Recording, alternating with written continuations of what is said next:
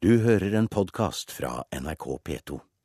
I dag er det altså 200 år siden Charles Dickens ble født. Forfatteren som formet vårt bilde av 1800-tallets England, feires over hele verden, også i sitt eget gamle hus i London. Et portrett av Charles Dickens henger på veggen i det blå rommet i huset hvor forfatteren levde da han var i midten av 20-årene. Det eneste av husene hvor Charles Dickens bodde, som fortsatt står i London i dag, er blitt gjort om til museum. Det var her han bodde da han skrev Oliver Twist og ble berømt, forteller museumsdirektør Florian Schweizer. Uh, he certainly his fame Doughty Street, um, but uh, and it was a happy time for him. He had a very young family. Uh, two daughters were born here at Doughty Street. He he wrote Oliver Twist, Nicholas Nickleby. Enormously productive time for him. I dag er det 200 år siden Dickens ble født, og det skal markeres over hele verden. I London kan interesserte gå i Dickens fotspor sammen med guider utkledd i viktorianske kostymer.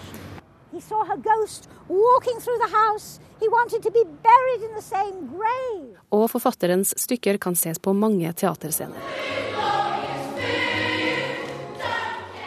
West End Kids skal synge den Dickens-inspirerte sangen 'Food Glorious Food' under en stor minnemarkering i kveld. Is it worth being tried for your life to have the sympathy and compassion of Miss Minette? BBC sender flere filmer basert på Dickens romaner, og de har laget en ny TV-serie basert på store forventninger. Manusforfatter av serien Sarah Phelps sier at Dickens stadig overrasker henne. He surprises you constantly shocks you constantly, moves you. But for me, I find that it's the anger, the flame of anger about inequity and poverty and cruelty. That, that's what endures for me. Det flammende raseriet over urettferdighet og fattigdom som driver meg, sier manusforfatter Sara Felp om Charles Dickens, og vår reporter var Eirin Venås Sivertsen. Tore Rem, Dickens-kjenner, professor i engelsk litteratur, Universitetet i Oslo. Gratulerer med dagen. Takk.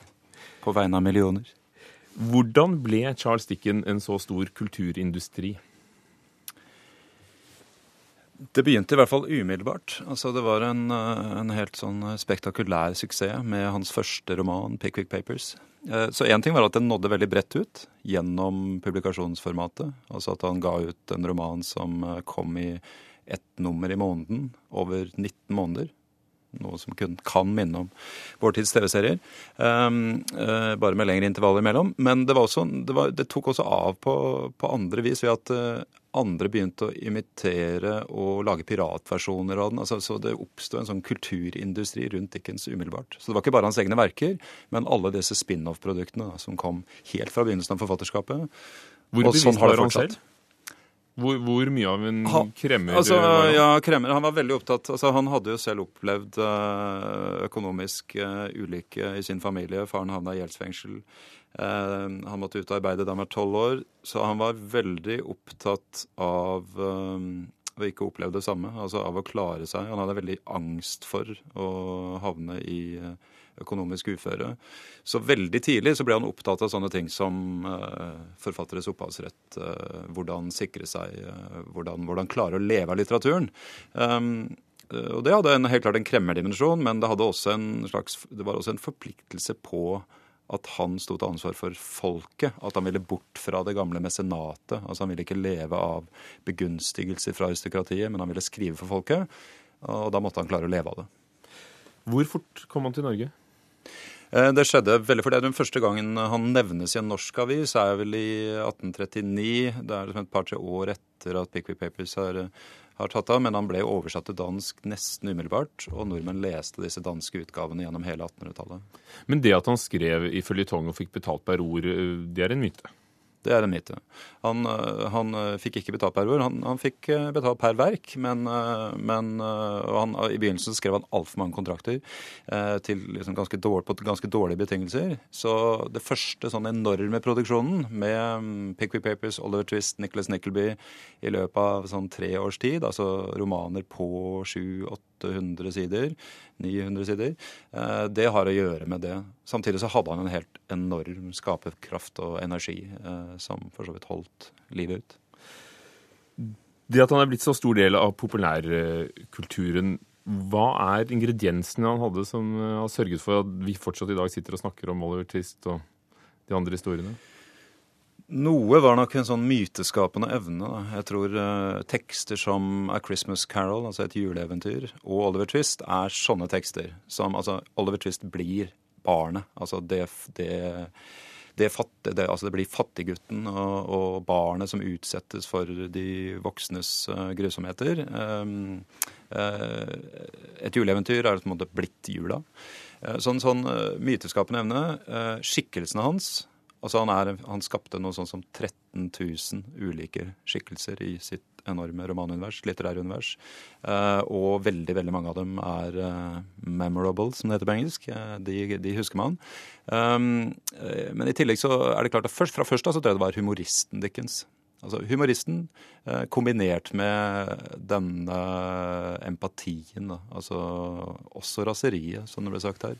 Men, men, disse tingene, sammen med en helt fantastisk språkfølelse som eh, jeg vil si det er liksom Shakespeare og Joyce som er hans like når det gjelder den språk, altså som språkkunstner. Som en sånn vill, overskridende språkkunstner på engelsk. Da er, det bare de som matcher han. Kommer dette til sin rett i, i norske oversettelser? Nå, nå, kommer det en ny en nå, da? Um, nei, det gjør det ikke. Uh, nei, det har det ikke gjort. Altså, jeg, tror, jeg tror veldig mange nordmenn ville ha møtt Dickens, uh, også må det sies, i barnebokform. Uh, og det, all ære til det. altså jeg, det, er veldig vakkert, og det sier noe om Dickens' styrke. At uh, veldig mange har fått glede av å se ham som TV-serie eller lese ham som barnebok. Men han er en ganske kompleks språkkunstner også. Og i veldig mange oversettelser så er det helt klart at det har blitt sletta ut, forflata. Altså det som er igjen, er plottene. Og jeg vil påstå at det ikke er det viktigste. St stort i Storbritannia i dag, som vi hørte. Men tror du folk kjenner oss så godt som det kan virke som? Er han folkelesning? Uh, han er en av ytterst få engelskspråklige forfattere som har klart å være både folkelesning og interessante for forskningen, altså for akademia. Eh, sammen med kanskje Shakespeare og Mark Twain og Jane Austen. Ja, For du mener jo at han er helt der oppe, siden du skrev jeg, doktorgraden din i Oxford på ham? Ja, jeg er ikke alene om det. Da. Det er liksom, det er, det er, jeg tror Igjen ved siden av Etter Shakespeare så er det den største akademiske litteraturen uh, på engelsk om et forfatterskap er, er om Dickens. Men, uh, men han lever også som folkelesning, det er det ingen tvil om. Men veldig mange møter han jo gjennom TV og film også. Og, og, slik som vi ser det på TV og film, tror vi at viktoriatiden og 1800-tallet så ut i, i England. Eh, hvordan kan du karakterisere det bildet han har laget for oss? Hvordan ser det ut der? I, det er så mange måter å beskrive det dickenske på, da, men det er klart at uh, TV, gjennom TV-seriene sånn, så jo, så er det klart det er mye elendighet, det er mye møkk, eh, det er mye tåke. Uh, det er fattighusene? Det er, det er den, og det er fabrikkene og utnytting og utbytting. altså Det er den type den type bilder vi får. Men samtidig så er det jo et sånn humoristisk overskudd da, som jeg tror kommer igjennom også, også i TV-seriene. Men, men, stemmer det? Er det en riktig riktig analyse? Vil en historiker si at ja, dette er en riktig analyse av de historiske og økonomiske forholdene som rådet? Nei, jeg vil ikke finne på å si at altså jeg mener, Det er utrolig viktig å, skjønne at Dickens er ikke noe alminnelig realist. Altså, han omformer. Uh, dette er ikke realistiske gjengivelser. Han prøver ikke å speile virkeligheten. Han er satiriker. Han forstørrer. Han uh, prøver å treffe noe med satiren sin. Uh, og det betyr at man kan ikke lese det som dokumenter. Det er diktning. Han var utrolig opptatt av at han skulle omforme omforme det materialet han eh, jobba med. Men det betyr ikke, betyr ikke, at det ikke er sannhet på et eller annet plan. Vi har et, eh, vi har, altså Hvis vi tror at eh, det var akkurat sånn det var, så, så har vi nok et feil bilde. Men det interessante med litteraturen er jo at den er jo også en del av virkeligheten. Så hans tekster var jo også med på å forme viktorianernes bilde av sin egen samtid. Uh, men det er klart at uh, når han beskriver eh, makteliten og kaller dem lord Coodle, lord Doodle, lord Noodle, lord Poodle, liksom, så var det ikke Det var ikke riktig så enkelt. Men han rammer noe, og det er det ingen tvil om. Men rammet han de mektige den gangen? Hvordan ble han lest av, av, av de som var upstairs? Det, det, gjorde han. Ja, altså han rammet Men samtidig så skapte han en sånn type kulturell engstelse. Da, fordi eh, sant, dette var, eh, det var måte, et type demokratisk prosjekt, eh, disse romanene hans, på alle mulige nivåer. Så han rammet, men som alltid med litteraturen så er det jo vanskelig å måle i hvilken grad han liksom forandra samfunnet. Jeg tror han forandra samtidens syn på sitt eget samfunn. Husker vi ham for de riktige verkene? Med andre ord, Torrem, hva burde vi gå ut og lese? Jeg syns vel at nordmenn burde gå ut og lese Store forventninger, og kanskje denne romanen som eh, kommer på norsk eh, til høsten, 'Bleak House'. Eh, jeg tror at det er humoristen den tidlige Dickens som har levd sterkest for nordmenn, og Oliver Twist og David Copperfield. Men les gjerne de senere, mørkere, store byromanene hans. Tore Rem, litteraturprofessor, takk. Du har hørt en podkast fra NRK P2.